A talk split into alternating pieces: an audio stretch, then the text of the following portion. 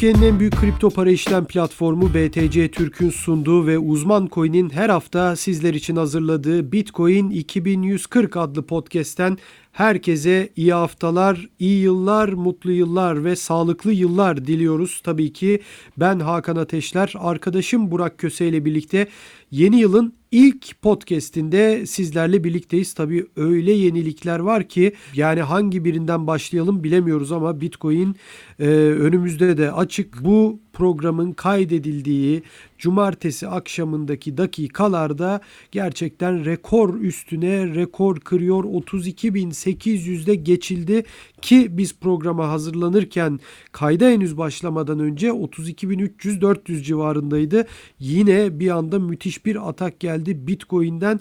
inanılmaz hikayeler var. Tabii ki bir de şu var. Bugün Bitcoin'in doğum günü 12 yıl önce tam 3 Ocak 2009 yılında Bitcoin hikayesine başladı. Satoshi Nakamoto önderliğinde tabii e, onun kim olduğuna dair de biz podcast yapmıştık. İlk podcastlerimizden bir tanesiydi.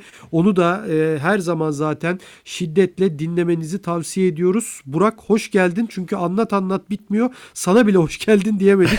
o kadar yoğun bir dönemdeyiz. evet, evet. E, sana da tekrardan mutlu ve sağlıklı yıllar diyelim eşinle beraber tabii. Sağ ol Hakan. Sana da mutlu seneler ve bizi dinleyen herkes için e, mutlu yıllar diliyoruz. Yani aslında şöyle başlamak istiyorum. Bitcoin halkın parası deriz ya yani öyle bir şey evet, vardır evet. genelde. Sadece işte bu Türkiye için değil tüm dünyada söylenen bir şey. Yani şu an Bitcoin tam anlamıyla halkın parası. Yani şu anda Bitcoin'e yatırım yapmış olan hiç kimse kaybetmedi. Yani Bitcoin'e girmiş ve elinde evet. tutmuş olanlardan evet. bahsediyorum. E, yani bu bize şu ana kadar Bitcoin'in biz e, halkın parası olduğunu söyleyebiliriz. Ve e, her geçen gün tabii yeni fiyat rekorları kırıyor. Artık bunlara yetişemiyoruz yani. Biz Doğru. E, içerik üretiyoruz. İşte biliyorsunuz uzman coin'de sürekli haberler yapıyoruz. Gündemi aktarmaya çalışıyoruz. Artık bir noktadan sonra bıraktık. Yani Bitcoin'in rekorunu paylaşmayı. yani çünkü mesela bir saat önce biz bu podcast'i seninle çek, çekmeden bir saat önce 32 bin dolar, 31, 31 bin dolardı fiyat. Tabii, tabii. Ee, yani artık bir saatti de bulmuyor yani. Böyle e, 10-15-20 dakikada 1000 dolar falan atlamaya başladı. Yani 20 binden sonra e, artık e, son dakika Bitcoin rekor kırdı cümlesinin bir anlamı kalmamaya başladı. Evet, evet. Hatırlarsın bundan iki hafta önce Şant Manukyan'la bir program yapmıştık. Ee, ben arada bir gerçekten çok öğretici ve çok bilgilendirici bir podcast oldu.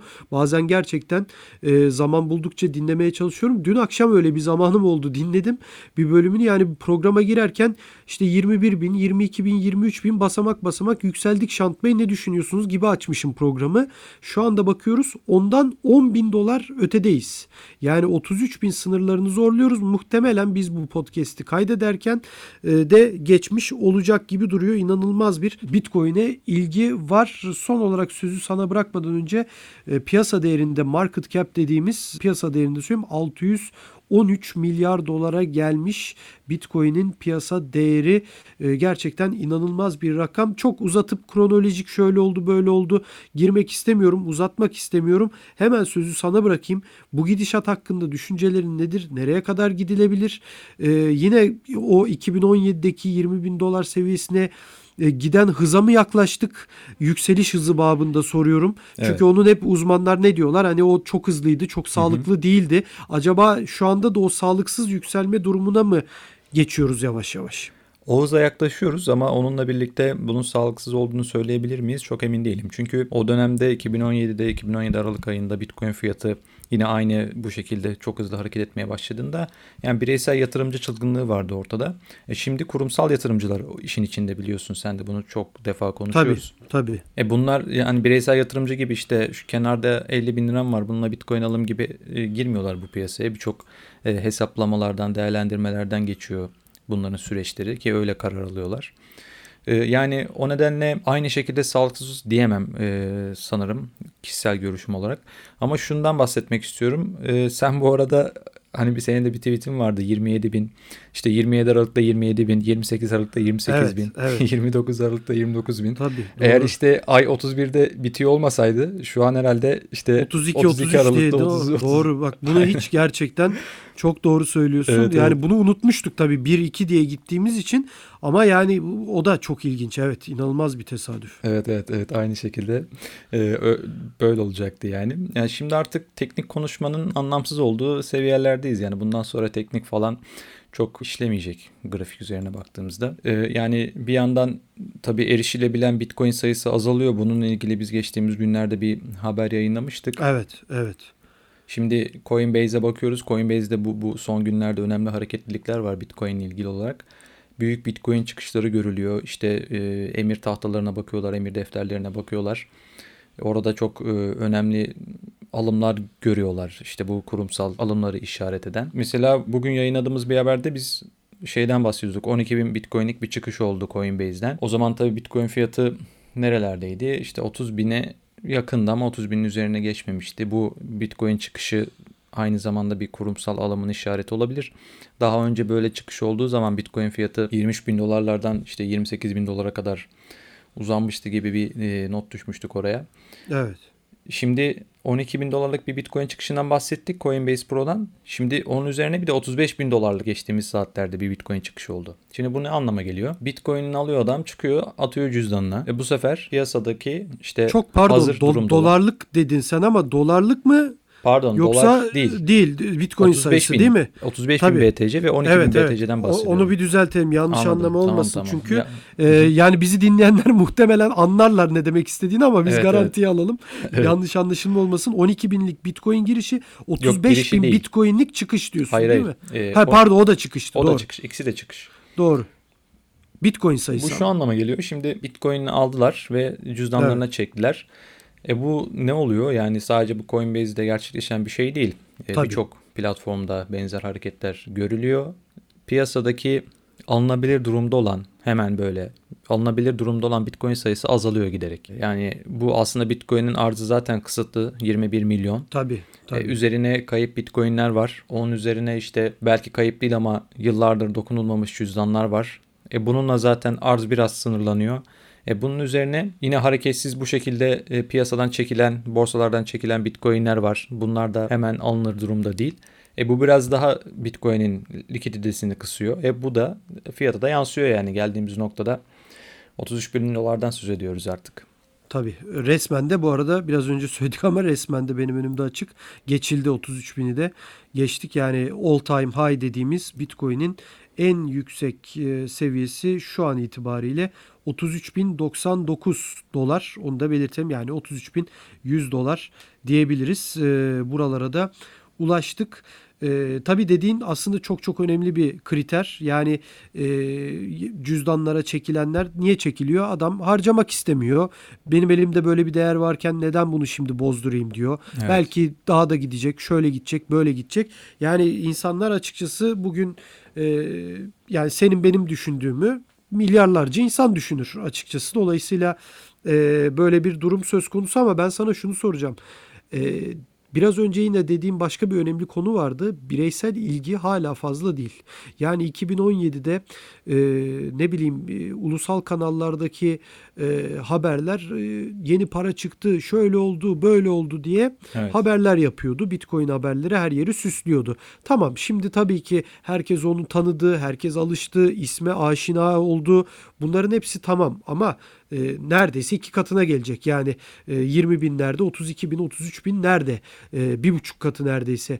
Şimdi niye bu kadar yani sadece tabii ulusal kanal anlamında sormuyorum. Niye Show Haber'de yok falan demiyorum ama e, yani şimdi niye bu sessizlik açıkçası? Hala biz ekonomi kanallarının tam anlamıyla dışına çıkamadık. Hala e, belirli noktalarda çok fazla e, Bitcoin konuşulduğunu çok da duymuyoruz. Evet. Niye acaba? Ne fark olabilir bu kadar Şöyle fiyat fark farkına var. rağmen? Bence şimdi oradaki e, çıkışın hızıyla ilgili belki yani şu şu anlamda diyorum. 2017'de 750 dolardan 20 bin dolara olan çıkış bu çıkışa baktığımızda daha etkileyici. Tabii. İlk Ee, kez bir de. Ha, ilk kez o ayrı ama daha etkileyici bir çıkış o.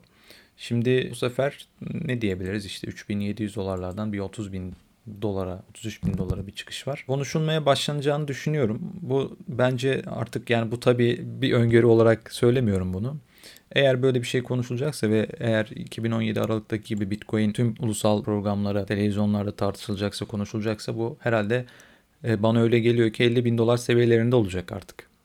Öyle gözüküyor tabii. E, önümüzde tabii 2021 yılına girdik artık. E, bu sene bir Bitcoin ETF'i bekleniyor bu daha ciddi bir şekilde. Öyle bir hikaye var Bitcoin ile ilgili olarak. Çok e, bir, kısa zamanı Hı-hı. harcamadan yani ETF nedir evet, bilmeyen hemen... de olabilir. Yani yavaş yavaş da dinlemeye başlayan da bir kitle gelecektir. E, hemen çok kısa ETF'in de ne olduğunu açıklarsan en azından insanlar e, bilmeyenler de öğrenebilir evet. kısaca. E, ETF şu demek borsada işlem gören fon anlamına geliyor. E, bu Bitcoin ETF'leri tabii e, bireysel yatırımcıların olduğu kadar kurumsal yatırımcıların da büyük ilgi alanı. İşte Bitcoin'e erişimi daha da kolaylaştırıyor belki. İşte Bitcoin'e borsadan hisse alır gibi Bitcoin almak isteyenler için. E, bu Bitcoin'e dayalı olacak. Bitcoin'e dayalı bir borsada işlem gören fon. Evet. Bitcoin ETF'i özetle böyle bir şey. Daha önce altın ETF'i gerçeği var. Tabii e, buna bakılarak daha çok Bitcoin ETF, ETF'inin Bitcoin fiyatına yapacağı etki tartışılıyor. Şimdi altın ETF'i ortaya çıktığında altın fiyatında çok ciddi bir çıkış yaşanmıştı. E, Bitcoin ETF'i de bu yüzden çok bekleniyor piyasada. Şimdi 2021'de bunun gerçekleşeceği öngörülüyor. Bu e, yüksek olasılık artık daha ciddi bir şekilde konuşuluyor.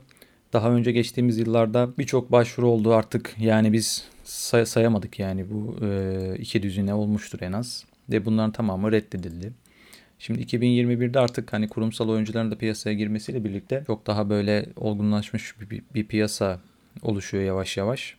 Zaten komisyonun başkanı da değişti. SEC komisyonunun başkanı evet, da değişti. Evet. Hemen zaten başvuru yapıldı bu görev değişiminden sonra. Vanek tarafından bir başvuru yapıldı. Bitcoin ETF başvurusu. E, beklenti onaylanacağı yönünde. Yani bu Vanek olabilir. Belki yıl içinde başka bir şirketin başvurusu olabilir. Bitcoin ETF konusu önümüzde duruyor. Bitcoin fiyatında Tabii. önemli etki yaratabilecek Geçtiğimiz senelerde Tabii geçtiğimiz senelerde zaten birkaç kere reddedildi ama artık o kadar alışıldı ki red olmasına. Yani Bitcoin endüstrisinde bu reddedilme durumunu ben çok fazla kale alacağını da düşünmüyorum. Eğer yani bu sene de böyle bir red olursa çok da fazla bunun fiyata e, negatif anlamda bir etkisi olmayacağı da hele bu gidişatta tabii, tabii. aşikar gibi evet, evet. Duruyor. E, tabii e, şunu da belirtelim. Yeni yatırımcı da aslında bizim etrafımızda demin dedik hani çok konuşan duymuyoruz ama hani e, arkadaş grupları arasında WhatsApp'larda da konuşmaları da yavaş yavaş da görüyoruz açıkçası. Hiç yok diyemeyiz ama insanlar da korkmuyor değil. Yani çok yükselmedi mi? E, biraz insanlar artık hani bu işi de öğrendiler gibi geliyor bana. Evet. Çok yüksek değil mi abi? Bu kadar yüksekten e, almalı mıyız gibi sorular da soruluyor ama e, yani bu, bu sence nasıl kırılacak bu bakış açısı ya veya bu kırıl, düşünce? Kırılacak olması basit. Yani şu şekilde kırılacak. Bitcoin daha çok e, fiyatı yukarı çıktığı zaman kırılacak. Biraz daha. Daha da yukarıdan alacaklar yani. Evet bence öyle. Böyle düşünenler daha da yukarıdan alacaklar. Evet. E, yani zaten 2020 2017'de de biz bunu görmedik mi yani 20 bin dolara kadar Doğru. büyük bir kitle bekledi. 20 bin dolardan sonra asıl dalga o zaman geldi. Tabii. Şimdi de işte belki bir 33 bin dolar olmayacak. Belki 40 bin dolar olur. Tabii. Ama daha da yukarıdan Tabii. alacaklarını düşünüyorum bu, bu şekilde düşünenlerin. Peki bir şimdi aslında en çok konuşulan konulardan biri de bu fiyat konusunda özellikle Türk kamuoyunda Türk kripto para yatırımcılarında da en çok beklenen bir alt sezon boğası yaşanması. Evet. Sence bu alt sezon boğası yaşanacak mı? Neden böyle yaşanacak mı diye soruyorum. Çünkü bunun artık yaşanmasını beklemeyen de bir kitle var. Artık Bitcoin sazı eline aldı. Gidecek, yürüyecek, gidecek bir alt boğası gerçekleşmeyecek. Yani geçen hafta da aslında buna benzer bir konu konuşmuştuk. Yani bu konuyu hı hı. daha doğrusu biraz konuşmuştuk ama sen ne söylemek istersin? Bir alt boğası daha bekliyor musun? Hem tabii Bitcoin paritesinde hem dolar paritesinde. Artık ikisinin de uyumundan çok bahsedemeyiz. Evet. Çünkü ikisi evet. farklı yollarda gidiyorlar. Evet.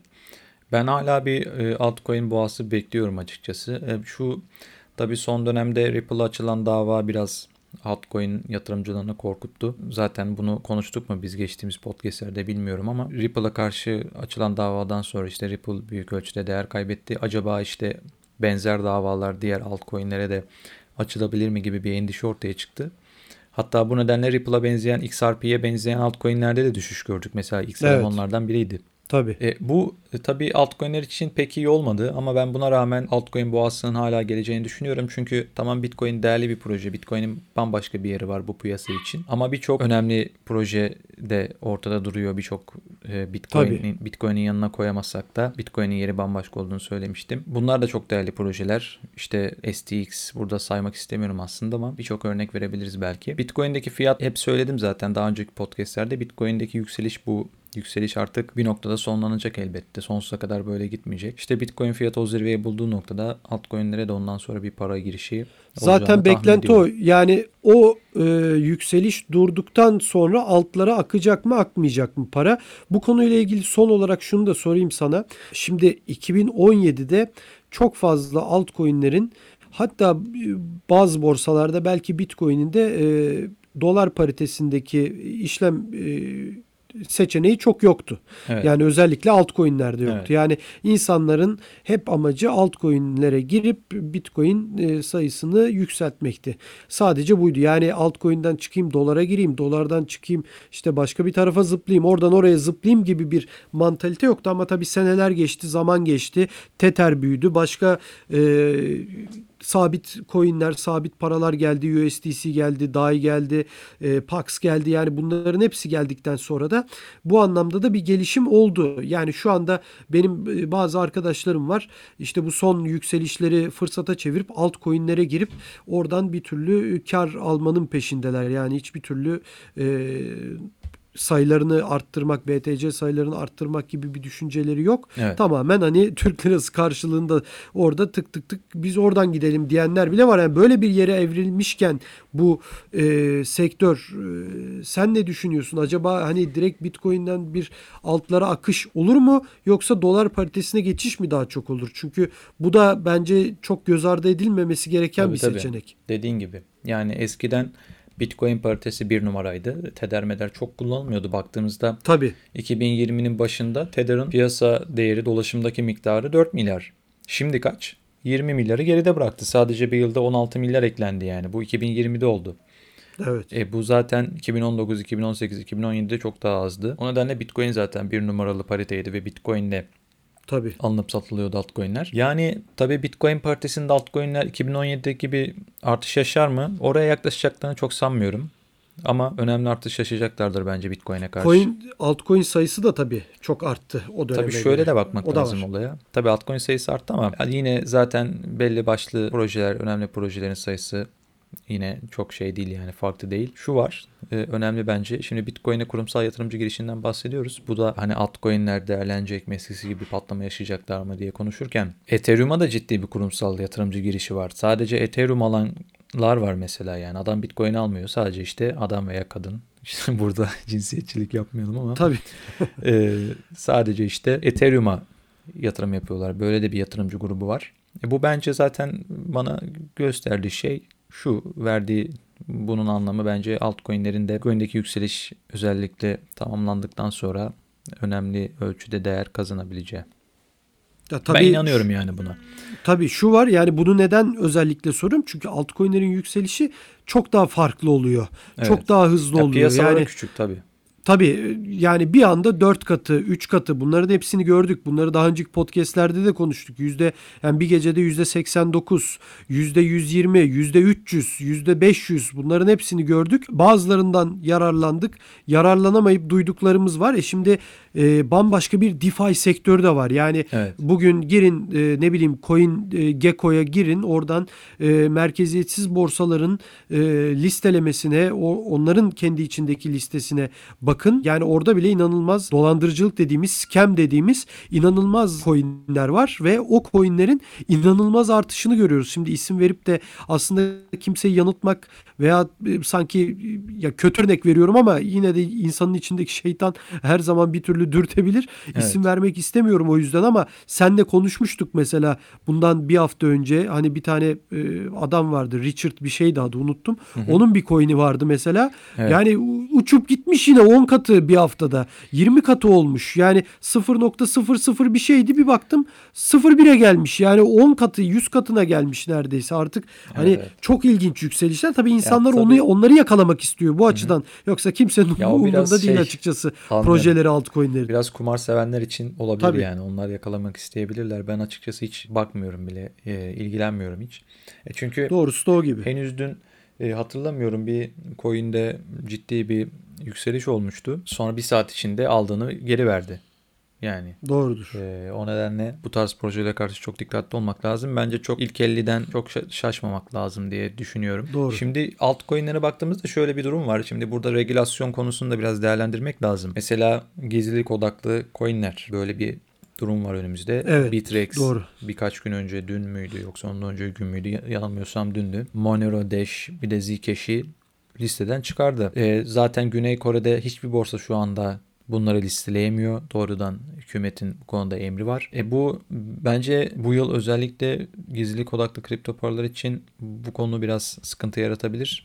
Diğer Sıkıntı yaratabilir ama sana şunu sorayım. Gizlilik odaklılar için soruyorum. Yani bu gizlilik odaklılar e, yani Güney Kore'de bu e, 6-7 ay oldu galiba yasaklanalı. Daha fazla Oldu, da oldu, olmuş fazla olabilir. oldu. Yani çok da etkilenmediler aslında.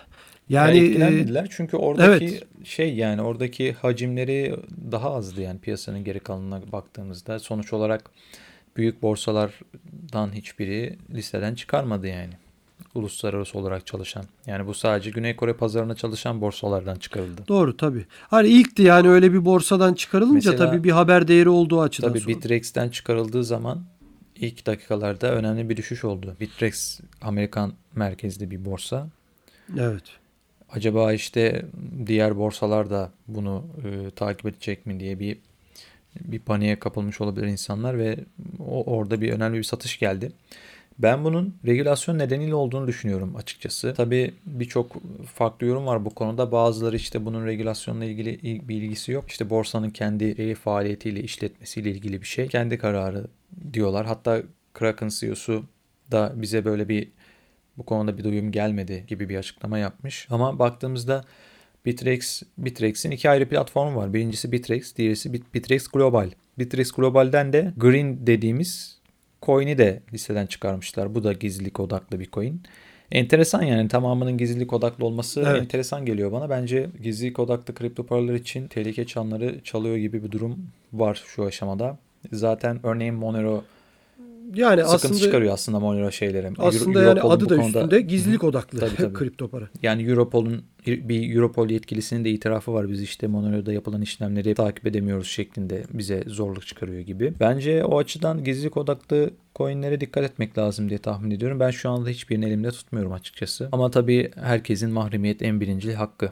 Yani o konuya oradan yaklaşırsak bunların tamamı yanlış. Tabii tabii yani e, regülasyonların tabii nereye kadar gideceği e, de önemli ama ben e, şunu söyleyeyim hani genel manada Şant Manukyan da bunu programında bizle yaptığı podcast'te söylemişti. Hani re- re- regülasyonlar genel manada iyidir demişti. Yani bir sistemin oturması adına bir yerde iyidir demişti. E, Göreceğiz açıkçası. Zaten dediğin gibi e, dediğimiz gibi yani adı üstünde gizlilik odaklı kripto para. Artık gizlemek isteyen onları kullanır. Borsada alsat yapmak için başka coin en azından eğer onları ısrar edecek biri olacağını düşünmüyorum. Ben- başka bir coin bulabilirsin. Evet Türkiye'ye de regülasyon geldiğinde bazı borsalar listeliyor Türkiye'de bu, bu kripto paraları. Onlardan çıkarılmak zorunda kalacağını tahmin ediyorum. Çünkü Türkiye'de şu an yani coğrafi olarak zaten riskli bir bölgede. O nedenle bu kripto paralar da Türkiye'de listelenen borsalardan çıkarılabilir. Eğer yani Türkiye'de bir regülasyon adamı olursa. Evet şimdi tabii e, konumuz da aslında bugün tabii fiyat illaki konuşacağız ara ara yine değiniriz ama e, bugünkü e, konumuz Bitcoin'in doğum günü bugün. Yani 12 yıl sonra yine bir yılbaşı fiyat artıyor, rekorlar kırılıyor. Programın girişinde de söylediğim gibi gerçekten inanılmaz bir ilgi var kripto paralara dünyada başta Bitcoin olmak üzere. E, inanılmaz iyi de projeler var. Yani hep altcoin'lerin hepsinde dolandırıcılık olarak e, addetmemek lazım. Çok güzel projeler de var. Arkasında büyük şirketlerin, güvenilir şirketlerin olduğu güzel projeler de var. İnsan hayatını kolaylaştırmak için, teknolojiyi hayatımıza daha çok entegre etmek için e, hayatımıza girmeye çalışan projeler var. Ama tabii bunların başı Bitcoin onu da söyleyelim. Şimdi doğum gününe geçmeden önce fiyatla ilgili son bir sana e, çok küçük fikrini alacağım bir soru daha sorayım. Önümde açık olduğu için konudan konuya bazen Şu geçebiliyoruz. an ben bakmıyorum. Ee, tamam yani mesela altcoin market cap'te altcoin piyasa değeri de 230 milyar dolar oldu. Eğer bir alt boğası istiyorsak herhalde bunun çok daha artması lazım ama Tabii. şöyle söyleyeyim bir hafta önce iki hafta önce veya bir ay önce ben yani düzenli olarak bakıyorum ama tam gün gün tabii ki hatırlamam mümkün değil. Ee, bakmıyorum da o kadar gün gün ama 180, 190, 210 milyar arası gidip geliyordu milyar dolar arası gidip geliyordu. Son birkaç günde 210'un altına düşmüyor. Evet. Ve 230'a da e, açıkçası yaklaştık. Zaten 245 olmuş da hani o top noktası diyelim. 230 oldu herhalde bir alt boğası içinde e, bunun e, ciddi şekilde aşılması lazım. Bu konuyla ilgili yani alt market cap ile ilgili de çok kısa bir cümle aç- e, alayım senden ondan sonra konumuza geçelim. Yani alt market cap'in şöyle de bir şey var bu arada. Önemli midir yani onu sorayım. Ben söyledim ama sen benden tabii çok daha bu konuda uzmansın hani belki çok da bakmayın da diyebilirsin ona. Yani ben çok bakmıyorum açıkçası. Yani çok da bakmaya ihtiyaç duymuyorum. Şöyle bir şey var ama şimdi e, 1 trilyon dolara yaklaşıyoruz toplamda. Bitcoin artı altcoin'ler olmak üzere. Evet. Bu 1 trilyon doların aşılması da önemli bir kilometre taşı olacak. Hatta 1 trilyon önemli bir reklam olabilir. İşte kripto paraların piyasa değeri 1 trilyon dolara aştı diye birçok yerde haberler çıkacaktır. Belki manşetlere Doğru. çıkacaktır bu konu. Bu önemli bir sınır. 1 trilyon dolara çok az kaldı. Bence 1 trilyon dolar geçilecek. 1 trilyon dolar geçildiği zaman Bitcoin ve daha çok altcoin'lere ondan sonra para girişinin hızlanacağını tahmin ediyorum. Evet e, istiyorsan konumuza geçelim. E, tekrardan şöyle kısa bir girizgah yapayım. Sözü sana bırakayım. 3 Ocak 2009. Bitcoin'in Yani- doğum günü. Bitcoin'in doğum günü. Bundan 12 sene önce. Yani konuyu şey diye bizdeki Türklerdeki bu bir işte sevmediğim bir alışkanlığımız var bizim. İşte 12 yaşında mı oldu 13'e mi girdi gibi. Hani bu çocukluğumuzdan beri hep konuşulur. Hiç de sevmem. Yani hiç ona girmeyelim ama hayatımızda ne değişti? Şuradan e, vereyim. E, dün gerçekten çok güzel bir haber yaptık. Uzman Coin'de bu haberimizi de koyduk. Bir Bitcoin yatırımcısının madencilik, hayat, iş, stres, mutluluk, zirve, dip bütün bunlar arasında gidip gelmesi ve yaşadığı olaylar, e, hissettiği, içinde bulunduğu psikolojileri belirten biraz uzun bir haber. E, yani böyle okuması herhalde bir 5-10 dakikayı alır gibi geliyor 2000 bana ama kelime. Evet ama gerçekten çok çok yani ben yazarken de hoşuma gitti. Yani hiç sıkılmadım. Çevirisi de çok zor değildi açıkçası.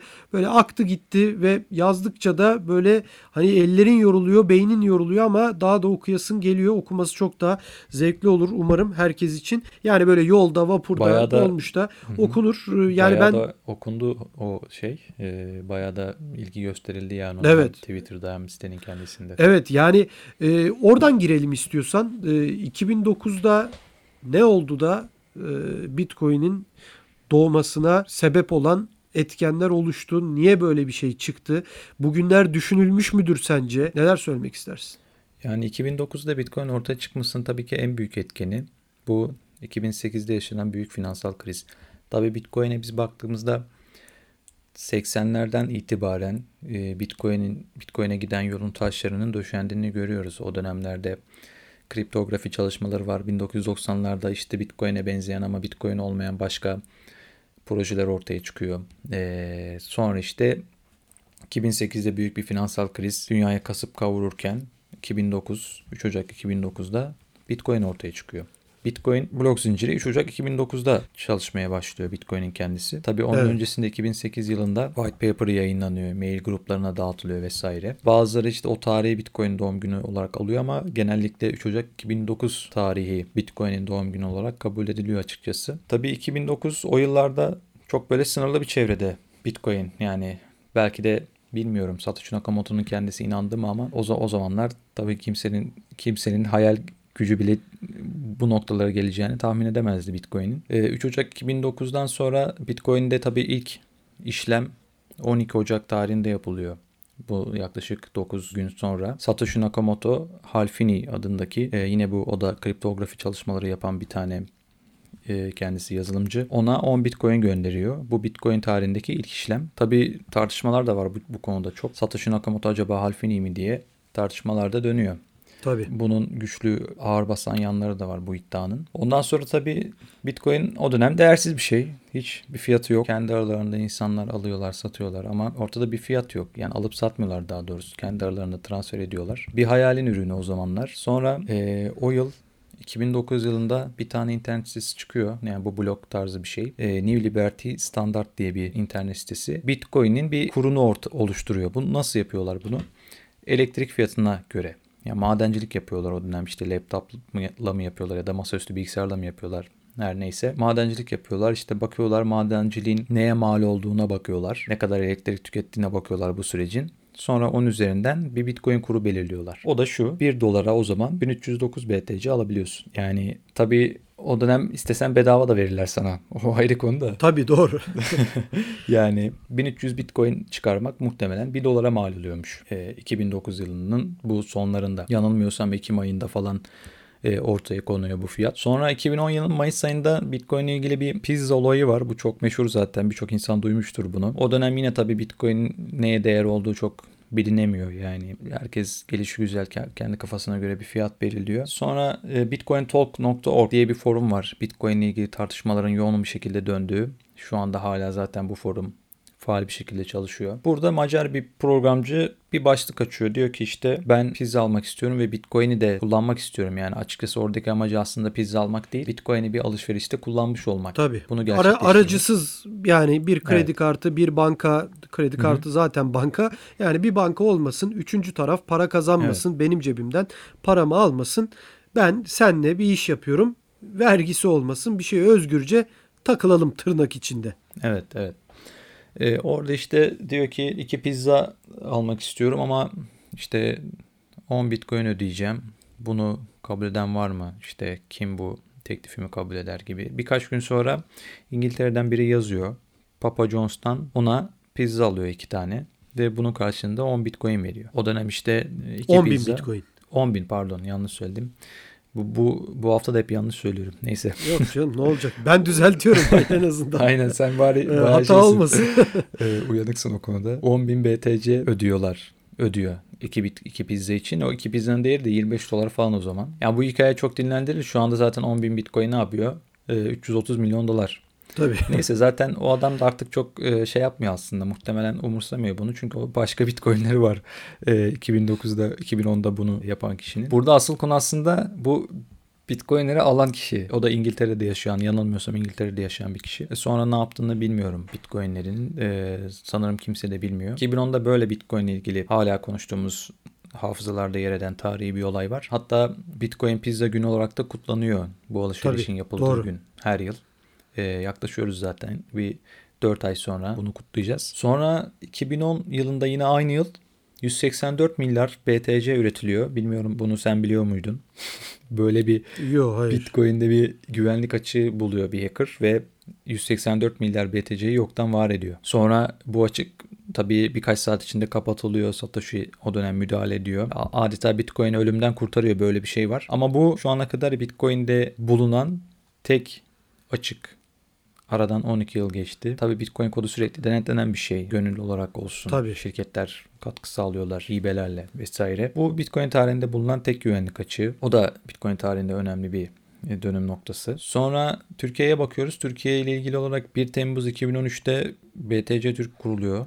Bu da Türkiye açısından baktığımızda önemli bir kilometre Doğru. taşı olarak görebiliriz. Tabii. Tabii. O dönem fiyat 180 lira bir bitcoin'i 180 liraya alıyorlar. Hatta o alışverişin ekran görüntüleri falan var. E, 180 liraya işte 2-3 bitcoin alınıp satılmış. Sonra e, Silk Road olayı var. Aynı yıl Ekim 2013'te e, Silk Road dediğimiz Darknet'te yer alan işte e, uyuşturucudan işte kiralık katile vesaire birçok evet, alışverişin yasa dışı ürünlerin yasa dışı evet, bir internet bir sitesi. Bu internet sitesi Ekim 2013 yılında FBI tarafından kapatılıyor. İşte bunun yöneticileri tutuklanıyor. Bu internet sitesi neden önemli? Ya, muhtemelen o dönem Bitcoin'in en yaygın olarak kullandığı yer orası. Bütün alışverişler Bitcoin üzerinden dönüyor. Silk Road'un çok ciddi Bitcoin kasası var tabii bu alışverişlerden elde edilen. FBI Silk Road'a el koyduğu zaman işte yöneticilerini tutukluyorlar. İşte kurucusunu tutukluyorlar tabii şu anda hapiste hala müebbet hapis alıyor. E, cüzdanlara el koyuyorlar. E, tabii hala el konulamayan Road'a ait ama kayıp olan bitcoinler var. Bununla ilgili tartışmalar var. Acaba işte birkaç FBI ajanı var. İşte bunlar ele geçirdi ve şey yaptı Bitcoin. Çaldılar yani Çaldılar, açıkçası aynen. söylüyorlar bunu. Böyle bir konu var. Ondan sonra hala zaten Silk Road'un henüz e, birkaç ay önce hatırlarsın sen de 70 bin BTC ele geçirdi A- Amerikan hükümeti. Tabii. E, bu da Silk Road yani üzerinden artık 8 yıl geçmiş.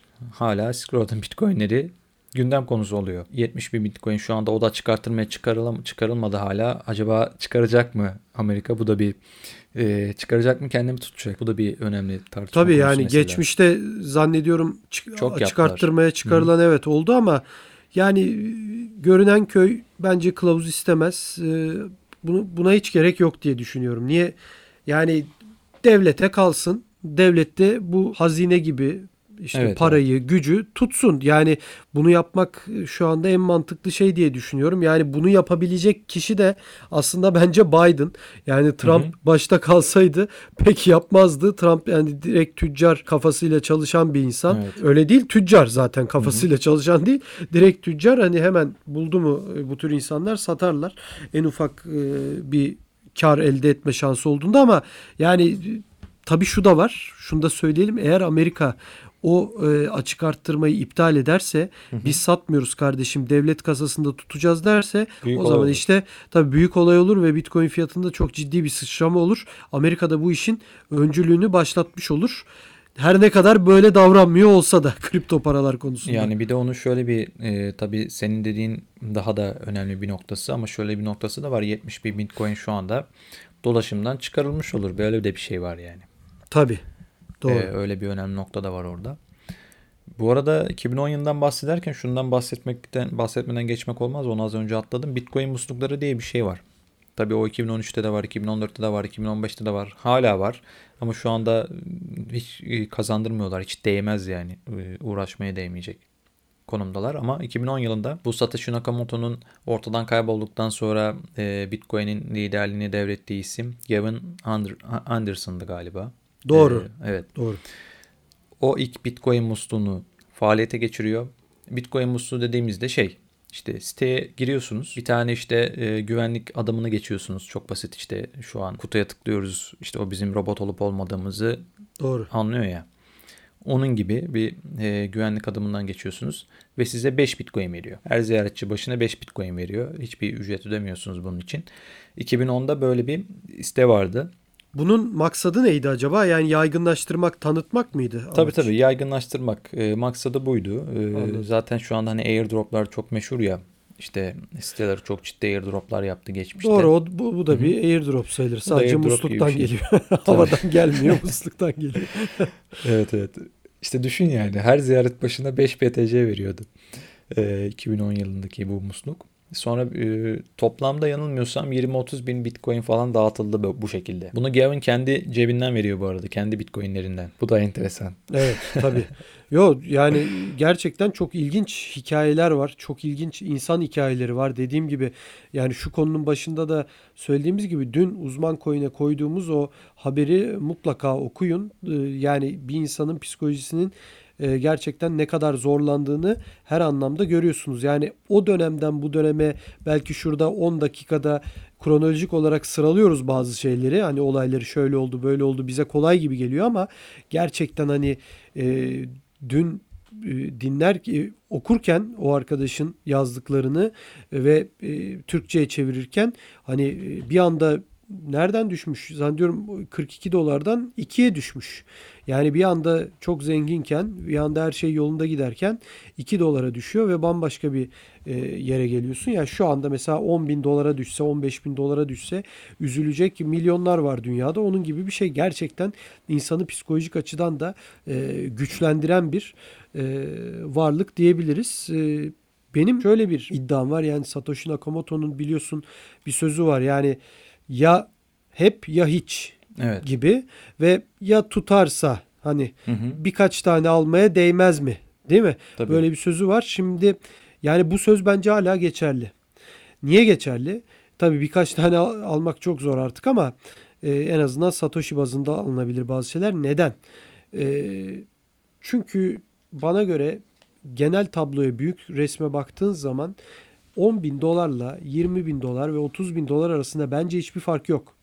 Çünkü 10 bin dolar olduğunda bundan e, birkaç ay önceki fiyat da 10 bin dolar aynı dünyadayız. Yani hiçbir ekonomik açıdan bir farklılık yok. E, devletler yerinde duruyor. Herhangi bir ne bileyim ekonomik kriz e, var tabii ama hani 10 bin dolarken ve şu andaki arasında bu ekonomik krizin çok büyük fark yok. Yani dünyada bir değişiklik yok. Sadece fiyat değişiyor. Ama e, şunu söylemek istiyorum. Bundan sonra eğer e, Bitcoin gidecekse yani 30-40 binde kalmayacak bu. Veya 10 binlerde kalmayacak. Yani bundan 15 sene sonra da hala 30 bin 10 bin arasında gidip gelen bir Bitcoin olacağını ben hiçbir şekilde düşünmüyorum. Bu olmayacak. Yani ya gerçekten uçup gidecek 100 binler, 200 binler, 1 milyon dolarlar buralara gidecek ki bunu tekrar söylüyorum yani 1 milyon dolar olduğu zaman o zamanki 1 milyon dolarla muhtemelen şimdiki 1 milyon dolar arasında da çok büyük fark olacak. O dönemki 1 milyon doların çok fazla alım gücünün ben olabileceğini de düşünmüyorum. Bunu zaten bir sürü uzman da söylüyor. Yani benim fikrim diye de kimseye söylemek istemiyorum burada. Benim fikrim de değil zaten. Ben de başkalarından duyup bunu mantıklı geldiği için söylüyorum. Ama e, ya da yok olacak. Yani bence Satoshi Nakamoto'nun hala o fikri doğru. Onu söyleyeyim. Hala o cümle şu an içinde geçerli diye düşünüyorum. Senin fikrin nedir merak ediyorum. Yok olacak kısmına katılıyor musun? Çok da katılmıyorum. Evet. Çok da katılmıyorum. Ama yani bunu söylemek benim için yani bir me- yani medyumluktan öteye gitmez ama hani diğer taraf tabii çok daha ağır basıyor. Yani bize şu an çok e, aşırı geliyor. 100 bin dolar, 200 bin dolar, 1 milyon dolar olması ama yok olması da o kadar aşırı. Evet. Yani şu anda tanesinin 35 bin dolar olan 33 bin dolar olan bir varlıktan bahsediyoruz ve senelerdir bu böyle. 10 binlerden 3 binlere düştü. Krizde 4 bine düştü falan filan. Yani dünya krizi oldu Mart ayında. Hani bir salgın hastalık oldu. Yani bu filmlerde, kitaplarda okuduğumuz, filmlerde gördüğümüz bir senaryoydu aslında. Bildiğiniz salgın hastalık oldu ve binlerce, yüz binlerce kişi öldü. Ve geri kalan bir bölümü de ölümden korkuyor. Aşı çalışmaları şu bu. Anlatmaya gerek yok. Bu çok aşırı bir durum. Bütün piyasalar çöktü. Çökmüş hali 4000'di 3500'dü Bitcoin'in. Yani e, bu sana tabii ki çok ciddi bir güven veriyor. Olmaz demiyorum. Tabii yok olup da gidebilir ama daha önceki programlarımızda ve başka programlarında işte BTC Türk CEO'su Özgür Güner'in de bence söylediği gibi buna insanlar karar verecek. İşin güzel yanı bu. Buna biz karar vereceğiz. Diğer taraf daha yani olumlu taraf, pozitif taraf bana tabii ki çok daha mantıklı geliyor. Bunu asla göz ardı edemeyiz. Ama hala aynı noktadayız. Yani ben onu söylemeye çalışıyorum. Bu kadar 30 binlere geldik, 20 binleri geçtik. Ama ben hala aynı noktadayız. Ya hala bu yok olacak ya da e, tam tersi bambaşka bir yöne gidecek. Hala ortası yok. Onu, onu o şekilde düşünüyorum açıkçası. Anladım. Şimdi e, 2021'de şöyle de bir şey var. Devletlerin Bitcoin almaya başlaması konusu var. Zaten biz daha önce birkaç e, podcast'te bunu biraz tartışır gibi olduk. Tabii tabii. E, Venezuela'nın veya işte İran'ın Bitcoin aldığı farklı şekillerde doğrudan işte para verip Bitcoin almıyorsa bile farklı şekillerde Bitcoin edindiği ortada aslında. Tabii. E, ama şimdi 2021 ile beraber ciddi bir şekilde bildiğin yani merkez bankalarının bilançolarına bunu dahil etmesiyle ilgili bir artık spekülasyon mu diyeyim olasılık bilmiyorum yani ne, ne diyeyim e, çok emin değilim. Sen nasıl görüyorsun böyle bir ihtimali bilmiyorum. Ben açıkçası e, şöyle söyleyeyim. Şimdi çok komik olacak ama yani ben olsaydım diye başlayacağım konuya. Ama biz değiliz ve olamazdık da muhtemelen. Ama e, yani ben olsaydım mutlaka almıştım. Ve hatırlarsın bizim bir tane podcastlerimizden birine El Sultan Bitcoin katılmıştı. Evet. Adını da unuttum. Caceres'ti soyadı da. Adını Ben unuttum şu an. unuttum. Yani şimdi o tabii hep El Sultan Bitcoin'i kullanıyor. E, Evet. Adını hiç kullanmıyor. E, hatta ya baktım şimdi Twitter'ına da yazmamış ismini. Şunu söyleyeceğim. El Sultan Bitcoin kimdir? Bir e, Bitcoin yatırımcısı, bir kripto para sever. Venezuela. Venezuela evet Venezuela'da yaşıyor. Erken dönemde yatırımlarını yapmış ve hala da inanan bir insan Bitcoin'e. O söylemişti. Ben ona da bu soru senin sorduğun soruyu sormuştum. O podcast'imizi de dinlemenizi gerçekten tavsiye ederim. Türkçe. Ee, e, Türkçe tabii ki aynen öyle. Severek yaptığımız bir podcast'ti. şu, ona sormuştum aynı soruyu. Bence devletler zaten alıyor demişti. Yani onlar bizim gibi borsalardan girip işte BTC Türkiye, Binance'e oraya buraya girip de tabii onlar e, almıyorlar. O şekilde almaz insanlar işte tezgah üstü dediğimiz OTC borsalar aracılığıyla e, bir türlü alıyorlar ve e, fiyata direkt etki etmiyor demişti. Ben aslında bunun bir türlü e, gerçek olduğunu düşünüyorum. Ne kadar olduğu konusunda hiçbir fikrim yok ama ben zaten devletlerin bir şekilde bunları aldığını düşünüyorum. Yani biz burada bunları konuşurken, biz aylardır bu konuda podcast yaparken, yıllardır bu konu konuşulurken hiçbir ekonomistin de hiçbir devlet başkanına bu e, bizim devletimizin başındaki insan olsun, Cumhurbaşkanımız olsun, başka devletin başındaki yani Putin olsun, e, Tayyip Erdoğan olsun veya Maduro olsun veya Biden olsun hiç fark etmez. O ülkenin nasıl yönetildiğinin e, işte hangi ekonomik şartlarda yönetildiğinin de bence bir önemi yok veya bir Afrika ülkesi olsun hiç fark etmez. Ben aldıklarını düşünüyorum hafif hafif ama bunu e, açıklamıyorlar. Açıklamamayı da bilerek yapıyorlar. Bilerek açıklamıyorlar diye düşünüyorum. Eğer böyle değilse bile mutlaka böyle olacak diye düşünüyorum. Çünkü bunun kaçarı yok. Yani bugün e, düşünebiliyor musun? Yani bundan bir sene önce almış olsalardı ya geçen sene bu dönem Aralık sonu 6 bin 7 bindi. Şubat gibi 10 bine çıkmıştı. Sonra Mart çöküşü geldi 4 bine düştü. 4 binden zaten çok kısa durdu 4 binde zannediyorum değil mi? Ay sonu toparlamıştı kendini Bitcoin fiyatı. Hı hı. Yani düşünebiliyor musun? Geçen sene bu aralar yapsalardı şu anda 5 katı paraları vardı bu devletler için ne kadar önemlidir düşünebiliyor musun? Tabii. Yani veya ondan 10 sene önce yapsalar. Hadi 10 sene çok 10 sene olmazdı ama e, 4 sene önce veya 2017'den sonra bu yatırım yapsalardı. E, çünkü dünyanın birçok ülkesi ekonomik kriz yaşıyor. Bugün biz diyoruz Türk lirasının dolar karşısındaki değeri şu kadar azaldı. Gidin rubleye bakın. Rus rublesine bakın. Veya euroya bakın. Euro dolar karşısında belki bizimki kadar zayıflamadı. Euro'nun arkasındaki ülkeler çok güçlü. Avrupa Birliği var ama o paraya değerli diye Avrupa Birliği'nin ülkelerindeki insanlar zenginlik içinde mi yaşıyorlar hala? Belirli bir kısım evet. Dünyaya oranla evet ama onlar da protesto ediyorlar. Bu konuları çok konuştuk. Çok uzatmak istemiyorum. Ama e, yani Euro ile yaşıyorlar diye çok zenginlik içinde, mutluluk içinde yaşamıyorlar. Onu belirteyim. Çok ciddi protestolar var başta Fransa olmak üzere. Avrupa Birliği neden dağıl dağılma e, yoluna girdi. Bak bugün İngiltere çıkıyor. Çıktı. Hı hı. E, diğerleri niye çıktı? Çıkmak istiyorlar. Ayrılmak istiyorlar. Neden? Çünkü mesela Almanya. Almanya çıkmak istiyor ben sana söyleyeyim. Bıktı çünkü. Çünkü sürekli Türkiye Yunanistan'ı yani tırnak içinde söylüyorum Türkiye Yunanistan'ı işgal edecek. Türkiye Avrupa'ya gelecek. Türkler gelecek gibi veya başka sadece bu değil birçok senaryo yazılıyor ve gerçekten altı dolu olmayan senaryolar yazılıyor ve Yunanistan gibi e, ülkeler bu senaryoda başka senaryoda başka ülkeler burada hep parayı alıyorlar. E bu parayı kim sağlıyor? Almanya sağlıyor. Çünkü Avrupa Birliği'nin en güçlü ülkesi Almanya, Fransa. Yani Almanya bıktı artık mesela Avrupa Birliği'nin bu yükünü çekmekten. Koronavirüs oluyor. En az vaka Almanya'da var. En çok Almanya çalışıyor. En çok kurallara Almanya uyuyor. Ama İspanya'nın desteğe ihtiyacı var. Fransa'nın desteğe ihtiyacı var. Hep burada Almanya'nın gücüne başvuruyorlar. Yani bu kadar güçlü bir ülke gücünü Avrupa Birliği için harcamak zorunda kalıyor. Ya yüzde kaçıdır bilmiyorum. Dolayısıyla burada da Avrupa Birliği sürecinde de bir dağılma söz konusu bence. Bu, bu açıdan da baktığında zaten diğer ülkeleri anlatmaya gerek yok. Bu açıdan baktığında Bitcoin'in önemi bence çok daha fazla artmaya başladı. Ee, düşünebiliyor musun? Yani bir devlet alsa zaten e, şey gibi domino taşı gibi gelecek diğerleri. Evet. Ya bu çok önemli. Ya zaten çok şu... önemli. Bu yüzden sonu gelmeyecek diye düşünüyorum ben. Yani bu yüzden hala diyorum ki e, bu 100 binde 200 bin dolar da durmaz. Ha, zamanlı tabii ki söyleyip de şu zaman böyle olur, şöyle olur diyemem. Ya da insanlar belki şu an dinliyorlar beni. Kardeşim madem çok biliyorsun evini arabanı yatır da diyebilirler. Haklılar da. Ya bu sadece fikrim. Ya bundan %100 emin olamam ve bunu düşündüğüm için de riske girip neyim var neyim yok Bitcoin'e de yatıramam. Böyle bir lüksüm asla yok zaten. Bu cesaretim de yok. Bunu net olarak söyleyeyim. Ama düşüncem bu açıkçası.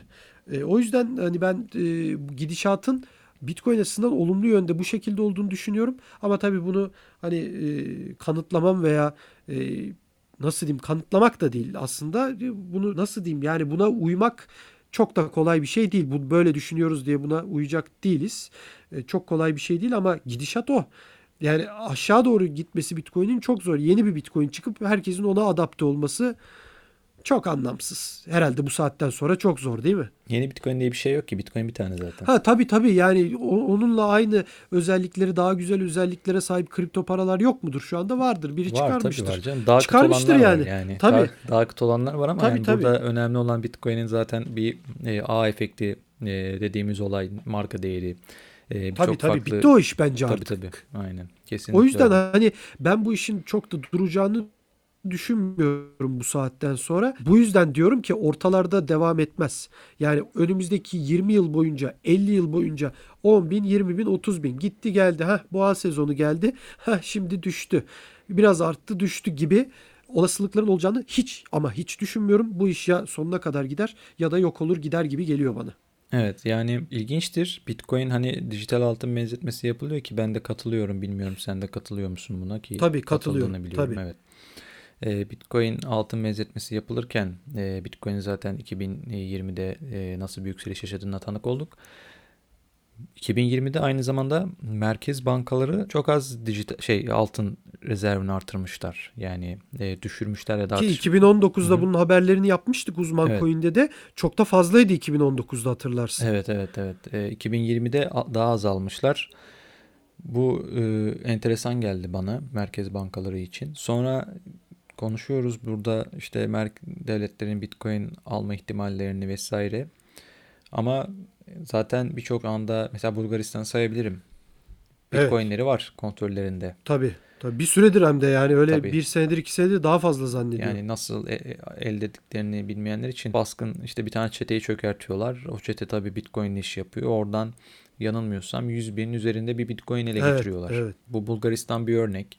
E zaten Ki benim- ben sana sö- söyleyeyim sözünü kestim özür Evet, dilerim. önemli. Yani e, Bulgaristan çok fakir bir ülke. evet, evet. Yani e, ben bir iki kere gittim tabii öyle Bulgaristan'ı biliyorum anlamında değil ama hani e, Doğu Avrupa ülkeleri Bulgaristan, Romanya falan oradaki fakirlik e, şimdi bizde de hayatın zor olduğu yerler var ama gerçekten bazı şehirler var. Hani döküntü mahalleleri olur ya şehir öyle. Gerçekten para yok ve e, adamlar satmamış yani o çok ilginç. Yani dediğin gibi ele geçirilen bitcoinleri hala tutuyor olmaları e, vizyon mudur, şans mıdır? Bilemem. Onların kaderini değiştirebilecek bir olay diye düşünüyorum ben bunu. Evet evet kesinlikle öyle. Yani o Bitcoin'lerin aslında akıbeti de bilinmiyor yani. E, muhtemelen elden çıkarmadılar da Tabii. ne yapacakları meçhul. Ya devlet başkanı zimmetine geçirmiş olabilir. Kendi ailelerine mümkün, vermiş tabii. olabilirler. Tabii yani onlar öyle dediğim gibi çok teknolojik düşünüp hani biz coğrafyamızı zenginleştirelim, geliştirebileceğim diye düşünecek e, çok yönetim tarzında şu an hala Evet. Doğu Avrupa ülkeleri sahip değil. Hani zimmetine geçirip yok olmuş bile olabilir. Hesap soracak da kimse. Ki geldiğimiz Yoktur noktada orada. yani Bitcoin fiyatı 33 bin dolar olmuşsa bu bu daha çok olası bir şey oluyor yani. Artık yani o noktadan sonra akbabalar üşüşür Bitcoin'in üzerine. tabii, tabii. Son olarak ben eğer müsaade edersen Tabii yani benim işin devletler kısmı ile ilgili düşüncem bu açıkçası. anladım. Sana bırakayım sözü. Anladım. Son olarak bir şeyden bahsedeyim. Mt. Gox olayından bahsedeyim. 2014 yılında bu bence önemli Bitcoin için. Ondan Tabii, sonra da önemli. başka konulara geçeceğim yavaş yavaş. Tamamdır. 2014 yılında tabii bu e, Mt. Gox dediğimiz borsa 2010 yılında yanılmıyorsam evet 2010 yılında faaliyete geçiyor. Döneminde en çok kullanılan borsa dünyada. Yani o zaman dünyadaki Bitcoin işlem hacminin %80'ini tek başına bu borsa üzerinden e, yapılıyor bütün işlemler. E, borsada tabii bazı dönem dönem bazı aksaklıklar yaşanıyor. Bu arada bu borsanın kurucusu aynı zamanda Stellar'ın kurucusu. E, dönem dönem bu borsada bazı aksaklıklar yaşanıyor ama 2014 yılına gelindiğinde borsadan 800 Bitcoin kaybediliyor. Bunların 200 bin yaklaşık 200 bin kadarı daha sonra bulunuyor. O dönem Bitcoin fiyatı çok büyük çöküş yaşıyor tabii e, bu olay nedeniyle. Sonra tabii bu olaydan zarar gören birçok insan var. Türkiye'de de var, dünyada da var. Şimdi sen kayboluyor dedin ama kayıp mı oluyor, hackleniyor Çalınıyor muydu? tabii tabii. Çalınıyor değil mi? Tabii. Çalınıyor o anlamda söylüyorum Tabii. yani. Çalınıyor bu bitcoinler. Sayıları 800 bin yaklaşık ve bunun 200 bini sonradan bulunuyor. Ee, Evet. 600 bin bitcoin kayıp. Tabii bu ele geçirilen bitcoinler o 200 bin bitcoin vesaire onlar şu anda da zaten bir dava süreci devam ediyor Mt. Gox ile ilgili. E, o dönem borsayı kullanan ve zarar eden birçok yatırımcı kullanıcı var. Türkiye'de de var, dünyada da var. E, Kerem Tibuk da podcast'imize katılmıştı e, evet. Eylül ayında. O da söylemişti. Zannediyorum onun da var öyle bir şeyi. Kaybolmuş Bitcoin nasıl diyelim sayısı. Onun var. Mail arada bir mail geliyormuş. Öyle söylemişti programda. Onun var. Sonra Tim Draper var. Bu da e, orada büyük Bitcoin kaybediyor bu adam. E, sayısını bilmiyorum evet. tam olarak. E, sayısı belli ama kaybediyor ve yani ona rağmen o Bitcoin'leri tamamen kaybediyor. Fiyat büyük çöküş yaşıyor. Sonra bu, bu olaydan bir süre sonra çok da uzun bir süre değil. Amerika Silk Road'da ele geçirdiği Bitcoin'leri açık artırmaya çıkarıyor. Orada e, Tim Draper 32 Bitcoin satın alıyor Amerika'dan. Açık artırmadan. E, yani bu olayı yaşamasına rağmen hala Bitcoin inancını kaybetmemiş. Orada tabii, da 32 tabii. bin Bitcoin alıyorlar. E, alıyor kendisi. Yani Mt. Gox hala yani üzerinden 7 yıl geçmiş. Bitcoin tarihinin önemli bir yere sahip. E, her ne kadar kötü olsa da, olumsuz anlamda olsa da. Geri, geri ödeme için çalışmalar yapılıyor ama değil mi? Hem evet. de şey olarak yani hani diyelim atıyorum senden 10, 10 Bitcoin'in gitti. Hı hı. Hani 10 Bitcoin ödemeye çalışıyorlar mesela sana evet. değil mi? Yani ne kaybettiysen onu aslında eğer o ödemeyi alabilirsen müthiş bir yatırım yani. Senin için bir de tutmuş Kesinlikle. oluyor. Zaten sen e, o borsayı o zaman kullanıyor olsaydın belki bir sene sonra satacaktın o Bitcoin'i. Tabii tabii ki kesin. kesin. Böylece satmanı engellemiş oluyorsun. E, ama tamamen %100 geri ödeyebileceklerini sanmıyorum o Zor tabii, tabii. Tabii zor. Ama yani Ele geçiremedik yine, yine de zaten. yine de yine de hani mesela atıyorum orada 10 Bitcoin kaybettiysen sana 2 Bitcoin ödeye, ödeyebiliyorlarsa yine kârdasın. Bu bile senin için çok büyük bir kazanım yani. Muhtemelen sen onları satacaktın. Ben böyle düşünüyorum. Tabii tabii. Sonra yavaş yavaş eğer kapayabiliriz Bitcoin ile ilgili e, benim az çok aklıma gelenler bunlardan ibaret ama şunu söylemek istiyorum 2000, tabii. 2021 yılı için. Önümüzde Coinbase arzı var. Coinbase halka arz olacak. Ha, onu soracaktım Hı-hı. ben sana. Bir kripto para şirketinin halka arz e, edilmesinin ne gibi bir e, fiyata etkisi olabilir ki? Mesela eyvallah tamam hani Coinbase halka açılıyor büyüdü şirket falan Hı-hı. ama yani o şirketin hissesini alacak insanlar. Bitcoin evet. almayacaklar ki. Bize ne bana ne o kripto para yatırımcısına ne mesela? Yani burada tabii şu olacak bence. Burada halka arzın ne kadar ilgi göreceği önemli. Evet. Bu halka arz büyük ses getirirse işte hani Airbnb'nin halka arzı yaşandı birkaç ay önce. Evet. Ee, onlar borsada listelenince 100 milyar değerlemeye ulaştı. Coinbase'de tahmin edilen rakam e, halka arzdaki değerlemenin 20-30 milyar arasında olacağı yönünde ama ben bunun üstüne çıkacağını düşünüyorum. Piyasaya e, Coinbase'in hisse, hissesi e, listelenmeye başlanınca borsada orada da ciddi bir fiyat yükselişi tahmin ediyorum. Tabii Bitcoin fiyatı izin verirse buna yani Bitcoin fiyatı o dönem Coinbase halka arz olduğunda önemli bir düşüş yaşarsa bu iyi olmaz. İyi Tabii. bir senaryo olmaz. Buradaki en iyi senaryo Bitcoin fiyatının en azından yatay seyretmesi olur. Tabii ne kadar talep gelecek? Bence ciddi bir talep gelecek. Ee, o Bitcoin fiyatında tabii e, bence önemli bir etki yaratabilir. Zaten konuşuyoruz. Libra konusu bence hala masada duruyor ve evet. o da yakında açıklanacaktır diye tahmin ediyorum. Ee, en önemlisi belki de PayPal'ın 28 milyon satıcıda kripto parayla alışveriş olanağını açacak olması. Bu da e, ilk çeyrekte olacak bir şey. Önümüzde bunlar var Bitcoin fiyatını etkileyecek olan gelişmeler olarak. Evet. Benim gördüğüm e, yani şu an için. Yani 2001 yılı, 2021 yılı gerçekten herhalde e, çok çok hızlı olacak. E, tabii burada yani ben hep e, kara tablo çizen adam olmak da istemiyorum ama yani ekonomik gidişatlar da pek e, Bitcoin açısından iyi gözüküyor ama pek normal yani e, gidişat açısından söyleyemedim ama ekonomik gidişatlar ülkelerde çok iyi gitmiyor. Onu söyleyelim çok iyi değil. Çok negatif olacakmış gibi bir e, herkeste uzmanlarda bir görüş hakim. Yani 2021'de de bu ekonomik krizler zaten niye bitsin? Yani değil mi? Şu anda ne oldu da bitecek yani? Mesela aşı evet. geldi. Çoğu insan e, iyileşti. İnşallah da öyle olur. E, aşı çalışmaları daha da yapılır. Eyvallah ama e, kriz ne olacak? Yani bu krizin getirdiği yük zaten çok fazla. Çok fazla insan işsiz kaldı dünyada. Çok fazla iş yeri battı, dükkan battı. Bazıları batmanın eşiğinde. O batmanın eşiğinde olanlar inşallah batmazlar ama batmadıktan sonra da onlar için ayrı bir yarış başlayacak. Bu sefer e, zararlarını çıkarma e, ve e, o iflasın eşiğinde olma durumundan kurtulma e, savaşı başlayacak. E, batanlar bir daha geri dönebilecek mi? E, insanların işi yok, gücü yok. Ona rağmen borçlandılar, krediler aldılar. Her ülkede. Bizde de böyle. Yani evet. burada ekonomik gidişat biraz Bitcoin yönünde gibi seyrediyor ama tabii aşını aşı bence çok önemli burada. Eğer aşı sistemi oturursa e, her şey Bitcoin açısından çok iyi olabilir. Ama aşı sistemi oturmazsa ve tam bir iyileşme gelmezse acaba bir Mart çöküşü daha yaşar mıyız diye düşünmüyor değilim. De, Fiyat e, açısından bir tahminim hı. yok açıkçası. Biliyorsun. Ama biliyorsun ben hani hı. vakalardan e, vakalar çok gidiyordu bir ara Eylül'de Ekim'de ben hep zaten Mart gibi bir çöküş gelir diyordum. Gelmedi. Nerelere geldi Bitcoin fiyatı ona rağmen. Evet. Ona rağmen yani şu anda hala vaka sayıları çok fazla dünyada. Ona rağmen Bitcoin fiyatı 30 bini aştı. Hani bu açıdan da e, olur mu olmaz mı Mart çöküşü gibi bir kriz emin değilim. Ama ekonomik gidişat Bitcoin dışında kalan ekonomik gidişat negatif gibi duruyor. Bir de yani virüsün mutasyona uğraması konusu var.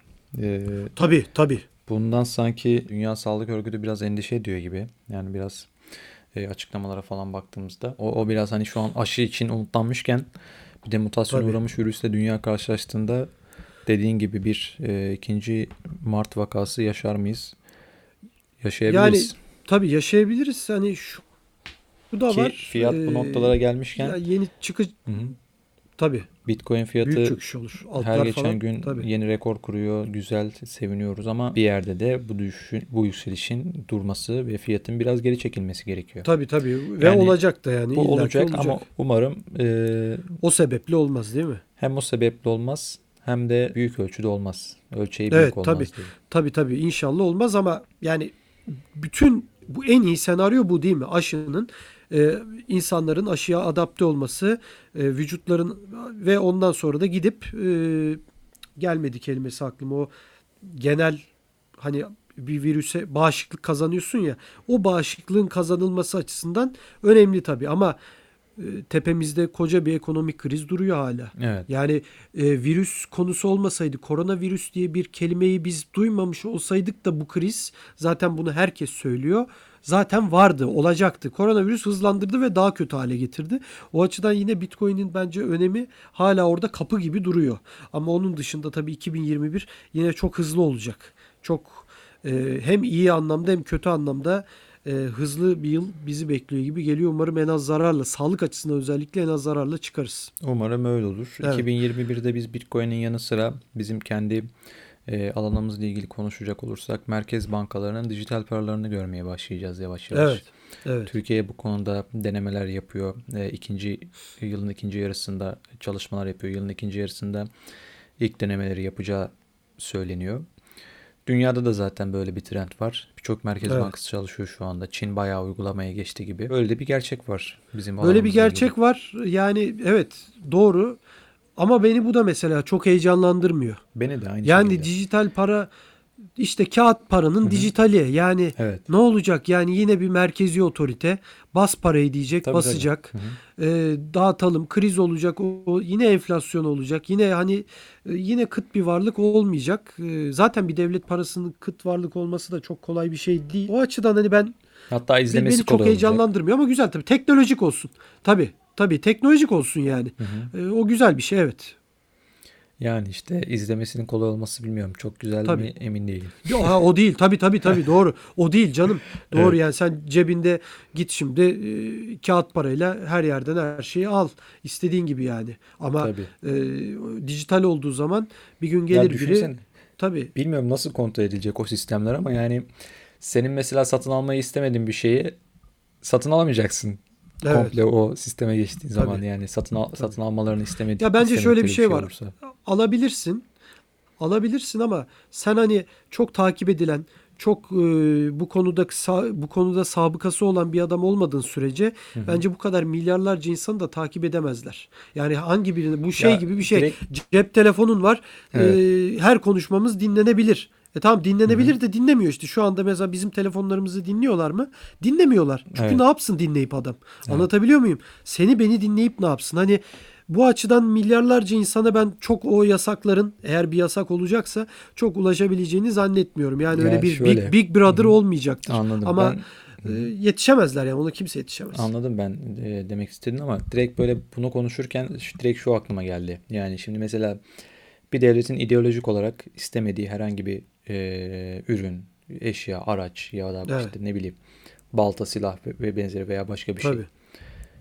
Senin cebinde o dijital para var ama gidip onunla alamıyorsun onu. Çünkü yasak Evet. onunla alman. Direkt yani. Herkes etkileyen bir şey olacak. E, Doğru tabii direkt olarak alamazsın ama insanoğlu buluyor Burak ya. Bir yolunu Sil- buluruz. Silk, Silk Road'u da işte Silk Road'u da buldular. Tabii, Bitcoin'i buldular. Bitcoin'e Doğru. yaptılar bunu. O zaman içinde o imkansızdı. Yani ben bir taraf çalışıyorsa karşı tarafta onun hani karşı tezi için çalışıyor. Yani e, bu saatten sonra bu teknolojik devrim yaşanmışken hepimiz artık teknolojinin birer neredeyse kölesi olmuşken e, ellerimizden cep telefonu düşmüyorken ben e, insanların satın almaya engelleyeceğini bazı şeyleri zannetmiyorum. Zaten artık öyle bir hale geldi ki dünya yasak olan maddeleri satanlar bile devletler. Evet. Yani e, A, devleti diyor ki işte sen diyor Apple ürünü almayacaksın mesela. Sadece Samsung alacaksın diyor. Atıyorum. Öbür başka bir devlette el altından ülkeye Samsung sokuyor mesela veya Apple sokuyor özür dilerim. Yani anlatabiliyor muyum? Bunu da başka bir devlet yapıyor. Yani senin önüne çıkan devletin karşısında olan devlet de sana tam tersi yardım ediyor. Yani düşmanın düşmanı dostum oluyor açıkçası. Yani o kadar öyle bir teknolojik devirdeyiz ki ben hani o Big Brother olaylarının olacağını çok da zannetmiyorum. Ama sen mimlenirsen, e, bir suçlu olursan, e, büyük savaş suçlusu gibi bir adam olursan, bir politikacı olursan, milyonların oyunu alan tanınmış bir adam olursan tabii ki takip ederler, dinlerler. Bunu da çok kolay yaparlar. Teknoloji ona el veriyor. O kadar ama seni beni dinleyecek de senin benim aldığımız o yasak olan ne bileyim ürün, e, teknolojik ürün veya her neyse onu takip edecek çok da zannetmiyorum. Yani çok büyük tesadüf olur diye düşünüyorum. İstersen yavaş yavaş toparlayalım Hakan. Tamamdır. Ee, gerçekten e, çok dolu dolu bir program oldu yine. Ee, ben sana hemen kapatmadan e, bir fiyat analizi de e, çok küçük. Tekrar kapatırken de yani açarken evet konuştuk ama e, bir geri çekilme herhalde nefes aldırması açısından da önemli olacaktır değil mi Bitcoin? Bence olacaktır. E, Bu nerede olur? E, 36 bin genel e, 36 bin seviyesi olabilir bence bunun için. Eğer bir geri çekilme bekliyorsak. Ha yine daha da gider diyorsun yani. Şimdi tabii 33 bin olunca ATH hani şey Tabii. diye düşündüm hani biraz geriye çekilir. Yani şöyle Ama bak şimdi Sen gider 20 bin, diyorsun. 20 bine Bitcoin'in nasıl çıktığını gördük. Tabii. 20 bine tabii. yaklaştı geri çekildi 18 bine indi falan. Evet. Sonra tekrar bir denedi. Yani biraz zorlandı geçerken orayı. E, Doğru. Doğru. 30 bine geldik. Ya acaba aynı şey olur mu? Aynı şey yaşanır mı? 30 bin dolar önemli bir seviye. Buradan bir satış gelir mi? Zaten 30 bin doları geçeceği son iki gün belli oldu. 29 bin 700'e geldi. Yani Tabii, tabii. bir satış gelse zaten oradan direkt gelirdi o satış. 29 Doğru gelmedi 700'lerden değil mi? gelirdi. Hiç gelmedi. Gelmedi. İşte devam etti. 30 bin doları çok rahat bir şekilde geçti. Şimdi 33 bin dolardan söz ediyoruz. Yani ben tahminim 36 bin dolardan sonra bir satış gelebilir. Bir yerde düzeltme geleceğini hep Yani konuşuyoruz zaten. Artık öyle bir hale geldik ki Artık hani çok tabii. da yükselme. Biraz geriye çekil yani daha da yükselme diyeceğimiz aklıma gelmezdi Bitcoin için. Yani yükselmemesi için şu anda neredeyse dua eden bir sürü kişi vardır. Hani sağlıklı bir yükselme, sonraki yükselmelerin sağlıklı Anladım. olması için gerçekten Zaten hani birçok bu hale geldik. Evet sen de biraz değindin ona. Birçok böyle piyasaya girip Bitcoin almak isteyen insanlar yani her saniye böyle geç kaldıkça daha çok maliyetleri artıyor. Daha çok yükseliyor fiyat. Tabii, Onlar da tabii. korkuyorlar artık. Hem öyle hem yani şu şunu da düşünmüyor değilim. Biz seninle bunu hep söyledik. Bu podcast'te başladığımız ilk programda da ben söylediğimizi hatırlıyorum. Az alın ama hep alın. Düzenli alın. Ya ben hep arkadaşlarıma zaten ben hiçbir zaman alın satın demem. Hiç Hı hı. öyle bir şeyim yoktur. Ama insanlar bazen öyle bir kafana çıkıyorlar ki hadi ne olur bir şey söyle diyorlar. Yani sana tanrı gibi davranıyorlar. Ya kardeşim ben sana niye söyleyeyim ya istemiyorum konuşmak. Yani konuşsak da ne yapayım diye soruyor yani. Bana ne sen düşün ne yapıyorsan onu yap. Yani bana niye soruyorsun? Sonra kaybettiğimde geleceksin. Hani bana diyeceksin senin yüzünden kaybettim. Evet, evet. Hani bunun olmasını istemiyorum. Ve e, olup olmayacağını da bilmiyorum ama kendimi riske atmak istemiyorum. Yani ama insanlar inan ki sürekli şeyler. Ne yapalım? Ne yapalım? Ne olur hadi söyle. Yani adam yalvarıyor ona bir şey söylemem için. O kadar yalvarmanın sonunda şunu diyorum. Al peki al ben de alıyorum. Ama git 100 liralık al. Her ay 100 liralık al. Hoşuna gitmezse bırakırsın satarsın kardeşim. Zararında 300-500 lira olur diyorum. Yani bundan öte kimseye bir tavsiye vermiyorum ki en sağlıklısı da sanki bu. Ee, yani eğer girmediyseniz ve girmeyi düşünüyorsanız ve bu podcast'i dinliyorsanız bizim size verebileceğimiz maksimumun maksimumu. Zaten öyle haddimiz değil hiç sevdiğimiz bir şey de değil. Burak'ın da öyledir. Ee, zaten programlarda da hep söylemiştik. Alacaksın şunu düzenli alacaksın ama hep alacaksın. Küçük küçük alacaksın. O küçük küçük alanlar bence yine bu ay bittiği zaman belki 3 liralık alıyorlarsa çok arttı ya 1,5 liralık alayım der. Ama yine alır. Küçük küçük alır. Yani, Gecede hı. yatarken rahat rahat uyur yatağında Ya diye bizim Türk düşünüyorum. milletinde zaten altın alışkanlığı vardır. Yani altın Tabii. biriktirirler, gram altın alırlar, Tabii. kuyumcuya giderler, her ay alırlar maaşları e, eline Tabii. geçtikçe alabildikleri kadar. Fiyatı da bakmazlar yani onu alırken. Doğru tabii. E, bu Tabii. da aynı hesap. Bunun da, da bakmayacaksın. Alacaksın gram altın alıyormuş gibi Tabii. Tabii. gideceksin. Düşün şöyle düşün. Benim bazen aklıma geliyor gerçekten bu. Hı hı. Düşünsene 21 milyon tane var. Hatta Evet. daha az var. Yani kayıplar, yok olanlar falan daha az var. 18 diyelim. 18 milyon tane var ve sen aldığın zaman işte 0.01 mesela. O dünyadaki 7 milyar insanda bir sende var o. Hiç satmazsan o sende olacak. Ya hayat boyu tut en azından hatıra diye Tabii tabii. tutarsın onu. Doğru. Çok önemli bir şey ya. 7 mi- 18 milyonluk bir varlık var orada ve hiçbir zaman sayısı artmayacak ve dünyada sürekli nüfus artıyor. Şu anda 7 milyar ve bu sende var bir tek. O aldığın Bitcoin sende var bir tek. Yani bu inanılmaz bir zenginlik diye düşünüyorum ben. O yüzden eee, eğer çok böyle bir eee, ilginiz varsa denemek istiyorsanız hiç 32 bin oldu, şu oldu, bekleyeyim, düşsün biraz falan hiç bu ekonomist tavırlara gerçekten girmeyin. Bunu bir hani küçümsemek için de söylemiyorum. Gidin 32 binden 25 bine düşmesini bekleyeceğinize 200 liralık alacağınıza 75 liralık alın mesela. Atıyorum Yani. yani. Değil mi? Evet. Ama alın onu bir görün bir şey yapın. Ondan sonra sevmezseniz de bırakın gitsin canım zaten. O da sizin çay paranız olsun, kahve paranız olsun, nelere paralar veriyoruz. Yine çok uzattık galiba Burak. Biraz öyle oldu ya. konu yoksa evet konu konuyu açıyor. Bir de konu fiyat. Yani Evet. e, 18 binler 19 binler geçildiği zaman bile biz fiyat konuşacağız. Şöyle olacak demişiz. İki katına neredeyse geldi. Tabii ki fiyat konuşacaktık. Ağzına sağlık çok teşekkürler. Senin de ağzına sağlık. Evet programımızı kapayabiliriz. Türkiye'nin en büyük kripto para işlem platformu BTC Türk'ün sunduğu ve Uzman Coin'in her hafta sizler için hazırladığı Bitcoin 2140 adlı podcast'imizde e, 2021 yılının ilk programını tamamlamış olduk ve Bitcoin'in doğum gününde yapma fırsatına da yap- yapma şansını da elde etmiş olduk. Gerçekten çok güzel tesadüflerin üst üste geldiği bir dönemdeyiz. Bizi dinlediğiniz için çok teşekkür ediyoruz. Ben Hakan Ateşler ve arkadaşım Burak Köse adına herkese iyi haftalar diliyorum.